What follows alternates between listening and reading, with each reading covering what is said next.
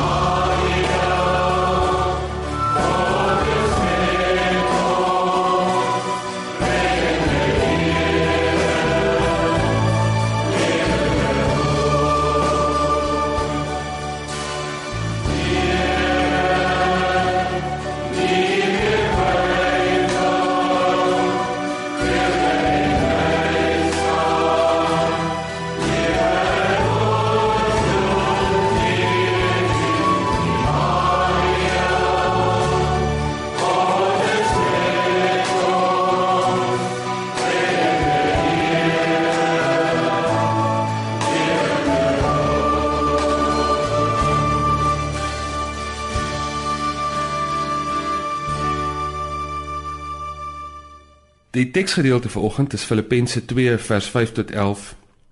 Wonderlike gedeelte wat eintlik die hart van die evangelie in 'n paar verse saamvat. Ek het eendag uh, die geleentheid gehad om saam met 'n klomp jong mense op die straat te gaan slaap saam met die haweloses. Ons het gevoel ons ons wil sommer net bietjie voel hoe dit is en en met die ouens kennis maak. En dit was 'n ongelooflike ervaring. Die aand daar in Sunnyside en ons het 'n baie interessante ou ontmoet. Die ou, iemand het ons voor die tyd vertel van hom en En toe ek hom raakloop, toe sien ek maar hierdie ou is 'n baie interessante mens. Hy vertel my toe sy storie. Hy sê hy was in die ooste van Pretoria in 'n selgroep en hy het gevoel die Here het hom uh, roep hom om onder haweloses te werk. En hy sê hy het baie daaroor gebid en baie mense het saam met hom gebid daaroor. En toe uh, ervaar hy baie snaakse dinge. Hy ervaar dat die Here dit op sy hart druk dat as hy onder die haweloses wil werk, dan moet hy self haweloos word. Dit was 'n uh, uh, was 'n was 'n groot ding, maar die interessantste is hy doen dit toe. Hy gaan trek toe in saam met die straatmense op die straat. En toe ons hom kry toe tel vir maande op die straat gebly en hy sê Jaco dit was uh, my my lewe was eenvoudig ek het eenvoudig maar net as as ek 'n stuk brood kry dan deel ek dit met die met die boemelaars of met die straatkinders en jy kan nie glo oop was hulle om met my te gesels nie. Ek het daai hele aand uh, saam met hom rondgeloop en gedink, "Joh, ek het vreeslik baie om by hierdie ou te leer oor die Here." En oor die Christen lewe. En later die aand toe vra ek vir hom uh die groot vraag. Toe sê ek vir hom, sê bietjie vir my, wat is die groot les wat jy geleer het terwyl jy op straat bly saam met hierdie mense? En sy antwoord was eintlik 'n bietjie ontstellend. Hy sê Jaco, ek het altyd gedink dat om armes te help moet 'n mens ryk wees. En nou begin ek wonder en as ek besig om te leer dat dalk as 'n mens die armes wil help, moet jy arm wees. Moet jy saam met hulle arm wees. Nou dit was vir my so 'n bietjie ontstellende gedagte, maar soos hulle in Engels sê, it had a Jesus ring to it.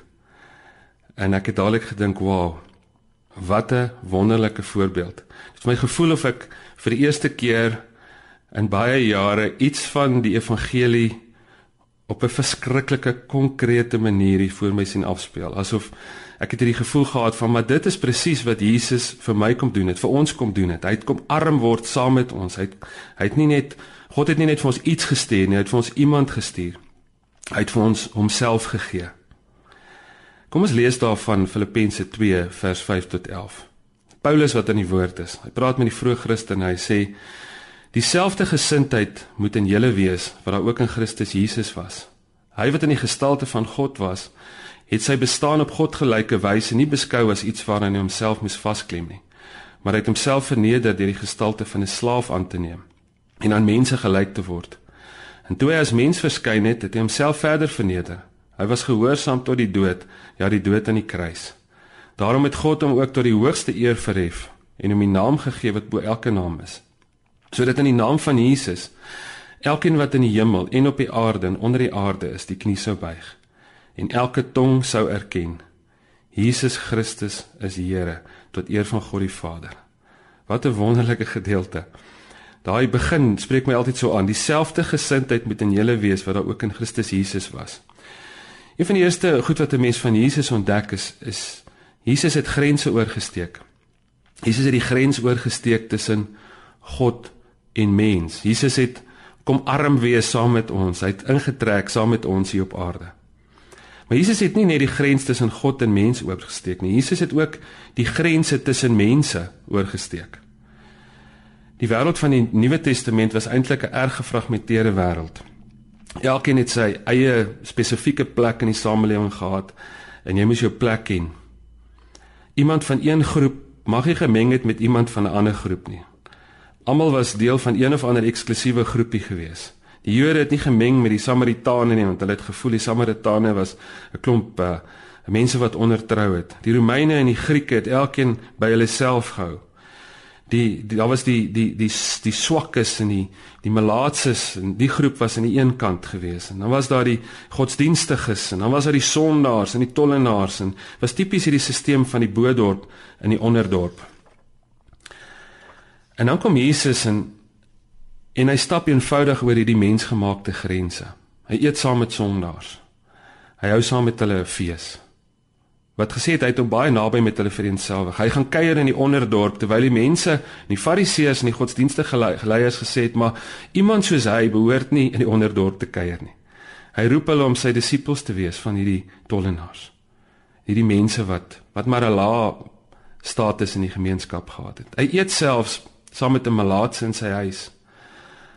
Hy gaan deur Samaria en hy praat met 'n Samaritaanse vrou terwyl die Jode eintlik in daai tyd maar om Samaria gereis het want hulle het nie gehou van die Samaritane nie. Jesus se vryheid om oor die grense van mense te stap was nogal 'n probleem vir die godsdienstiges van sy van sy tyd. En is vandag ook dikwels so. Ook in die vroeë kerk kry ons hierdie wonderlike beweging hierdie vreemde ding dat hulle dit wat Jesus kom demonstreer het eintlik nog verder uitbou. Dit was moes 'n baie vreemde beweging gewees het vir die mense van die antieke wêreld waar elke groepie by homself gehou het. Vir die eerste keer was Jode en Grieke en Romeine en slawe en malaatses en tollenaars en almal in een en dieselfde groep. Mense van vreeslike uiteenlopende groepe het saam begin kerk hou. Daar was ook maar worstelings as ons die briewe van Paulus lees. Dit het nie alles van self gebeur nie. Maar ongeag daarvan het dit gelyk asof hierdie mense baie ernstig daaroor gevoel het dat hulle nou saam deel is van dieselfde familie. Dit was 'n verskriklike uitspraak in daai tyd is om te sê ek en hierdie ou wat so uiteenlopend anders as ek is, selfs van 'n ander kultuur of van 'n ander status in die samelewing, ons is in dieselfde geestelike familie. Kyk bietjie wat sê Paulus in Kolossense 3 vers 11. Ek dink een van die belangrikste versies ook vir ons in Suid-Afrika vandag. Paulus sê Hier is dit nie van belang of iemand Griek of Jood is nie, besny of nie besny nie, andertalig, onbeskaaf, slaaf of vry nie. Hier is Christus alles en in almal. Wat 'n belangrike teks. Miskien is dit nodig dat ons almal wat onsself Christene noem in hierdie land, miskien net weer daai teks lees en net weer besef hoe ernstig daai woorde is en hoe nodig dit dalk is in 'n land waar daar nou soveel verdeeldheid is. Die kerk moet sekerlik die plek in die samelewing wees waar ons die verskeidenheid nie sien as die grootste probleem in die land nie, maar dalk is ons grootste seën waar ons die verskeidenheid eintlik omhels en sê wat 'n wonderlike ding. Ons het juis die meeste om te leer by mense wat anders as ons is. Tog is die teendeel dikwels waar in ons land. Ten spyte van die feit dat met soveel mense hulle sien as deel van die kerk dat hier so groot persentasie Christene is. Ons is seker die land met die meeste vredemakers en die minste vrede. In Johannes 17 bid Jesus vir eenheid onder sy volgelinge.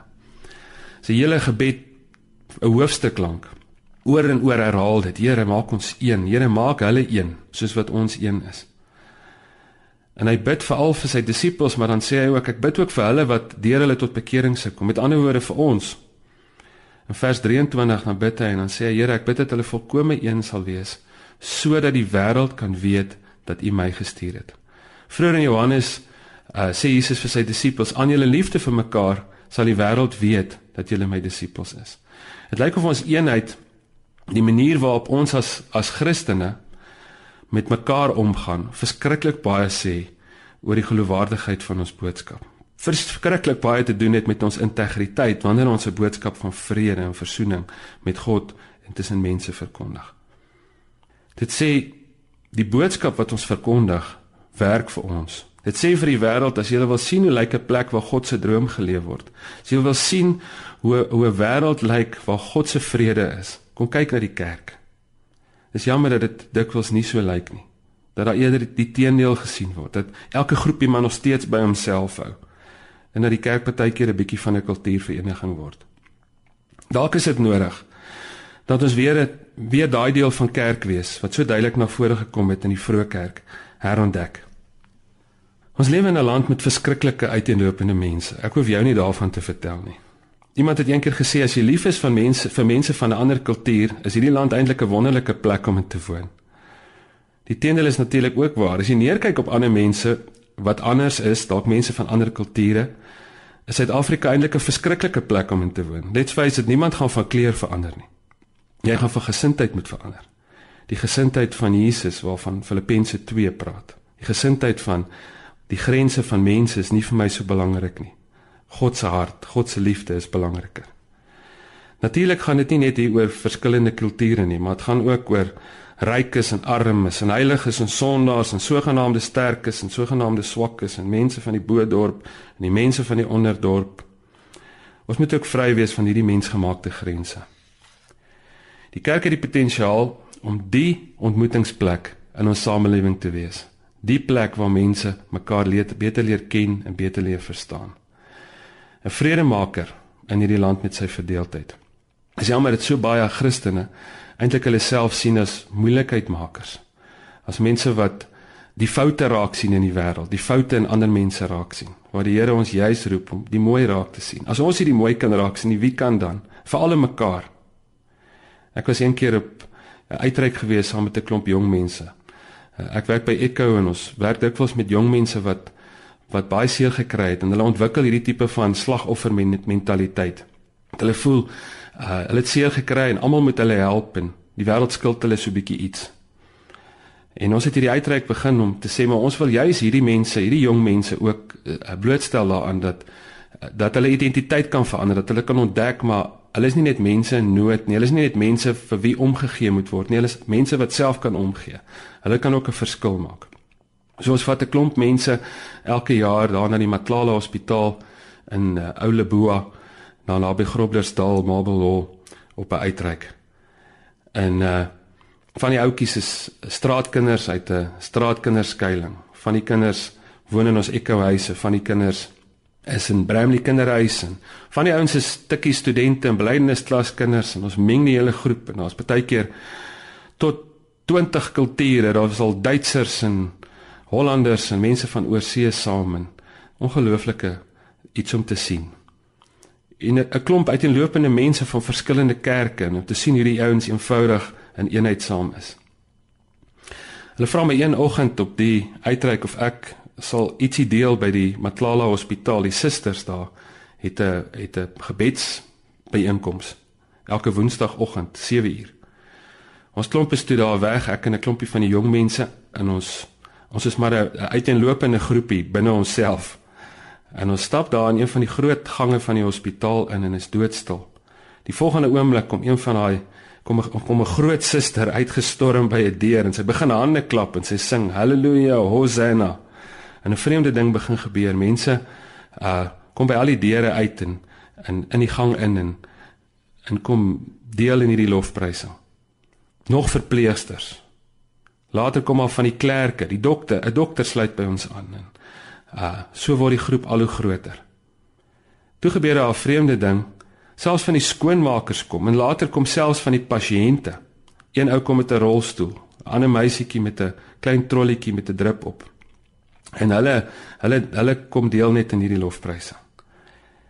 En die groep word al hoe groot en toe gebeur daar nog 'n vreemde ding. Daar kom 'n ou aangehardloop uit die psigiatriese afdeling. Hy het so helder kleurige overall aan. En hy vlieg soos 'n hippie op Moonflower en hy kom sit daar langs ons. En hy join in op hierdie storie. En ons het so rukkie saam gesing en toe moes ek iets deel en ek het gevoel, wow, ek het nie veel om vir hierdie mense te leer nie. Hulle dalk meer om vir my te leer oor kerkwees. Maar ek het ietsie kort gedeel en die volgende oomblik het ons weer begin sing, lekker saam gebid en toe begin ons aftoi toi in hierdie lang gang. En ons sing lofliedere tot die Here. Die groot suster voor, ek het later gehoor sy was 'n beheer van dissipline. Sy dans voor en en die res van ons agterna. Verpleegsters, dokters, witte, swartes, kleerlinge, skoonmakers, mense van verskillende kulture, pasiënte, selfs malles, almal in een heerlike dans in die gang af. Vir 'n oomblik het ek het ek gestop en in die storie net so gekyk en dit was seker die mooiste openbaring van kerkwees wat ek in 'n lang tyd gehad het. Om te sien hoe hierdie mense wat so van mekaar verskil, die Here so saam kan loof. En ek het gedink, "Wow, is dit nie hoe die kerk moet lyk in 'n land soos hierdie nie?" Is dit nie juis waar ons hoop lê? Is dat ons hierdie hierdie woorde van Kolossense 3 vers 11 letterlik gedemonstreer sien in 'n in 'n stukkende land soos hierdie nie. En ek het gewonder of is ons probleem nie dat die kerk te veel vir die wêreld wou dans en nie genoeg saam met die wêreld gedans het nie. Jesus het tog nie net vir ons kom wys of vertel hoe nie, maar hy het saam met ons kom lewe. Hy het saam met ons die dans van die lewe kom dans. Dis wat Filippense 2 vers 5 tot 11 sê. En dit is dalk ons grootste uitdaging in hierdie land. Ek sê nou die dag vir mense, hulle vra my wat beteken dit? Ek sê dit beteken dalk dat wanneer ons 'n 'n sop kom bys het, dat ons nie net vir mense vir mense sal kos maak en vir hulle sal kos gee daar op die straat nie. Maar dat ons saam met hulle sal kos maak en dat ons saam met hulle sal eet. Dat ons deel sal word van hulle van hulle lewe. Shane Claiborne, 'n wonderlike jong man in Amerika wat wat ongelooflike boek oor hierdie ding geskryf het, The Irresistible Revolution.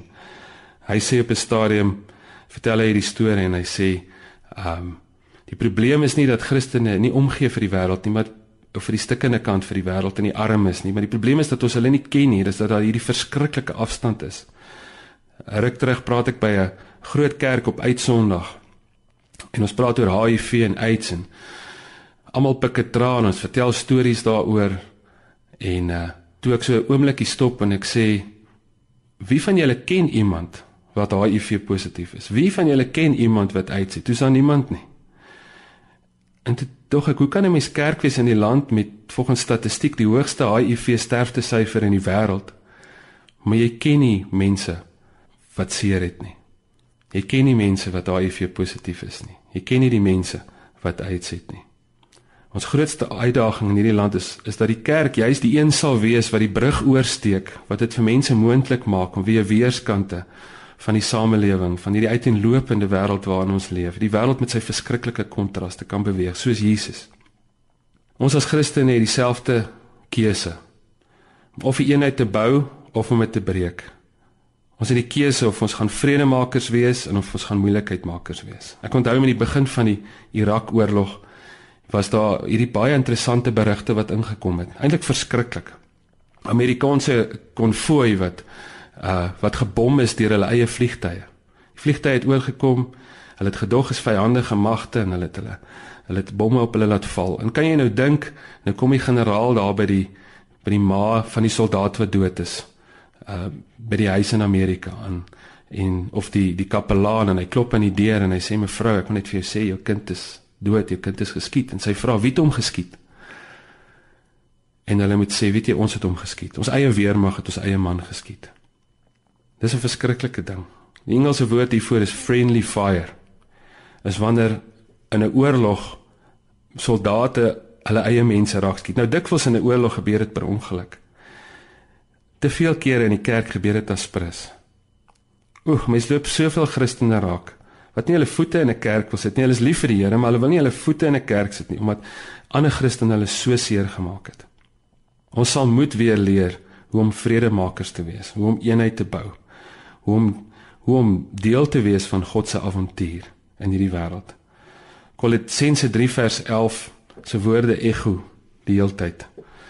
En mag dit so wees dat dat dit nie net 'n mooi getuienis is van die vroeë kerk en dat ons nie altyd net die stories kan vertel van hoe wonderlik dit destyds was nie. Maar mag dit ook waar wees vandag. Paulus se woorde wanneer hy oor die kerk praat. Hier is dit nie van belang of iemand Griek of Jood is nie. Besny of nie besny nie. Anderstalig, onbeskaaf, slaaf of vry nie. Hier is Christus alles en in almal. Jy hou dalk nie van hierdie woorde nie. Dit ontstel jou dalk 'n bietjie. Jy wil graag ook by jou groepie hou. Jy voel dalk so bietjie soos daai daai Joodse ooms wat gevoel het dis vir my 'n probleem.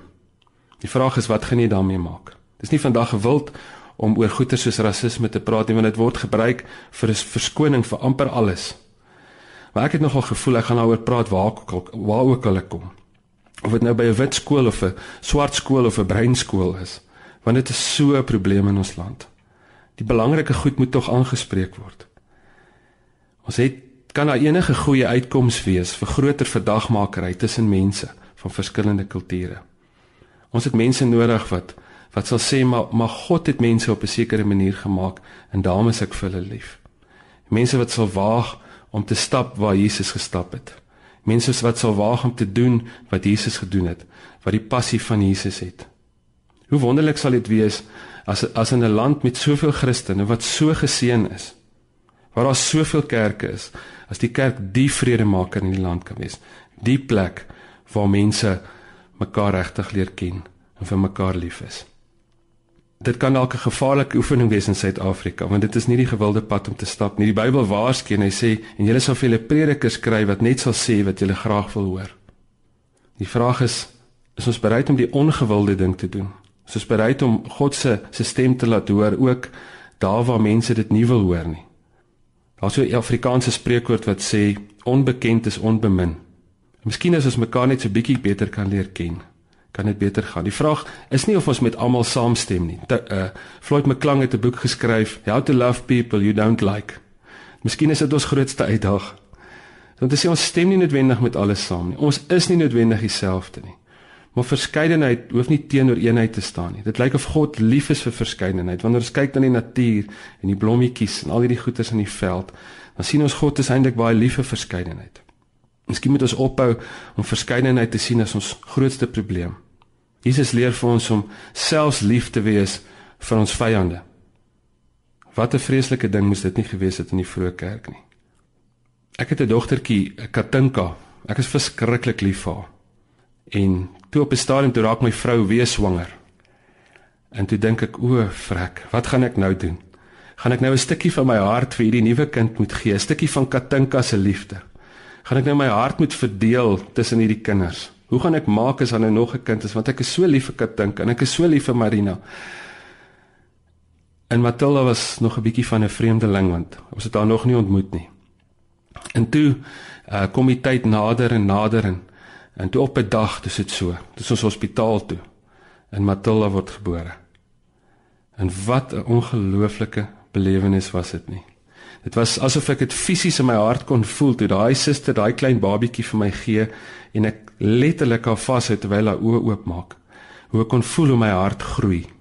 En ek kom toe agter ek hoef nie my hart te verdeel nie. Dis nie asof ek 'n stukkie van Katinka se liefde nou vir Matilda hoef te gee nie. Ek kan sommer net my hart het nou gegroei. Daar's nou plek vir nog een. En miskien is dit wat geestelike groei beteken.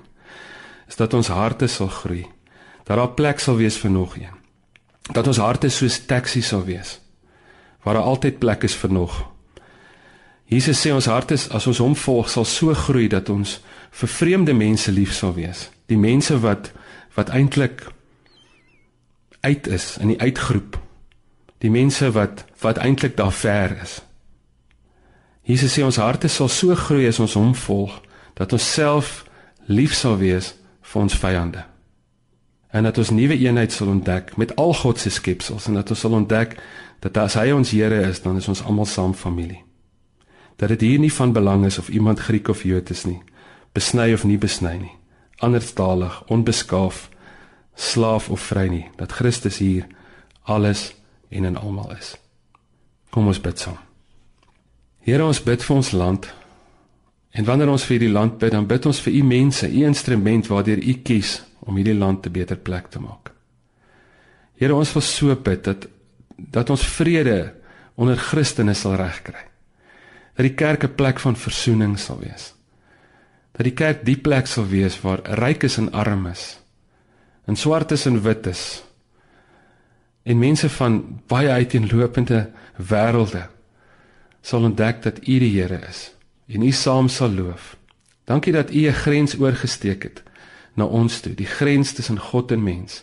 Dat U die die gemaklikste, veiligste plek in die heelal verlaat het om deel te word van ons wêreld en dat U nie hoogmoedig was teenoor ons nie, maar dat U vir ons gesien het vir wie ons is.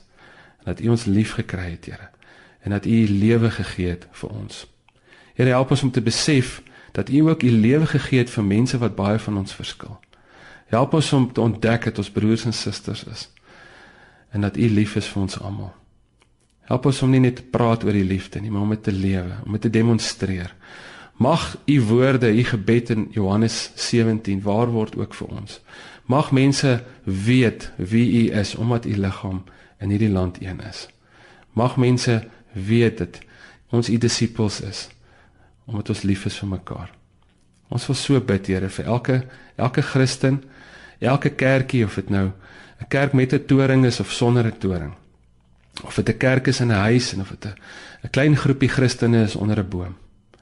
Here, ek wil bid dat ons die mooi daarvan sal raak sien en dat ons die eenheid sal bou en dat U ons sal beskerm daarteen om ons eie soldate te skiet. Dankie Here dat U ook geduldig is met ons, dat U ook hierdie pad met ons stap. Here, ons land het hierdie lig so nodig en ek wil bid dat U deur die Gees hierdie boodskap in ons harte sal vasmaak en dat Filippense, ag Kolossense 3 vers 11 sal waar word ook in ons tyd in ons kerk in Jesus Christus se naam. Amen. Ons gaan nou uh, saam sing hierdie pragtige lied waar ons sê skyn Jesus skyn. Laat die lig deur ons skyn.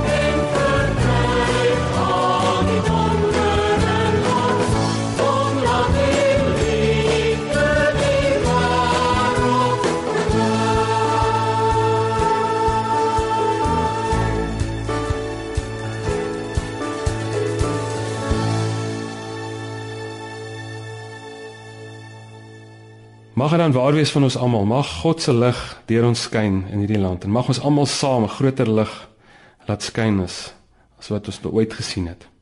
Mag daai selfde lig wat in die vroeë kerk geskyn het, ook deur ons skyn. Ontvang dan die seën van die Here. Mag die genade van ons Here Jesus Christus en die liefde van God ons Vader en die gemeenskap van die Heilige Gees met julle elkeen wees. Amen. thank you